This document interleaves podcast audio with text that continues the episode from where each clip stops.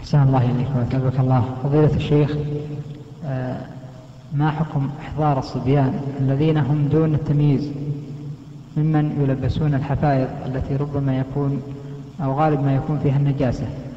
ما حكم إحضارهم للمساجد؟ وإذا حضروا هل يطردون أم لا؟ اللي عليه الحفاظ ما هم مطرود لأنه صغير. ما هم ماشي لا هو يكون دون التمييز في الرابعة إيه الثالثة. حتى إيه.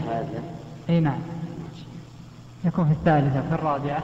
نقص شوي. بعد لا يكون يا شيخ. على كل حال إحضار الصبيان لل- للمساجد لا بأس به.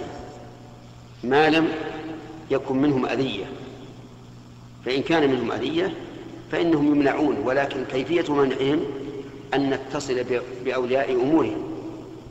ونقول أطفالكم يشوشون علينا يؤذوننا وما أشبه ذلك. ولقد كان النبي عليه الصلاة والسلام يدخل في صلاته يريد أن يطيل فيها فيسمع بكاء الصبي فيتجوز في صلاته مخافة أن تفتتن الأم. وهذا يدل على أن الصبيان يوجدون في المساجد. لكن كما قلنا إذا حصل منهم أذية فإنهم يمنعون عن طريق من؟ عن طريق أولياء أمورهم. لئلا يحصل فتنة لأنك لو لو طردت صبيا له سبع سنوات يؤذي المسجد وطردته. سيقوم عنك أبوه لأن عليك أو سيقوم عليك أبوه لأن الناس الآن غالبهم ليس عندهم عدل ولا إنصاف. ويتكلم معك وربما يحصل عداوة وبغضاء فعلاج المسألة هو أن نمنعهم عن طريق آبائهم حتى لا يحصل بذلك فتنة. ما مسألة إحضاره ليس الأفضل إحضاره. لكن قد تضطر الأم إلى إحضاره لأنه ليس في البيت أحد وهي تحب أن تحضر الدرس تحب أن تحضر, أن تحضر قيام رمضان وما أشبه. لا الأب بس. الآن ما هم محضر الإنسان عليه حفائظ أبدا لا تفكر. لا يحضرون عندنا موجود الله حال ما أدري.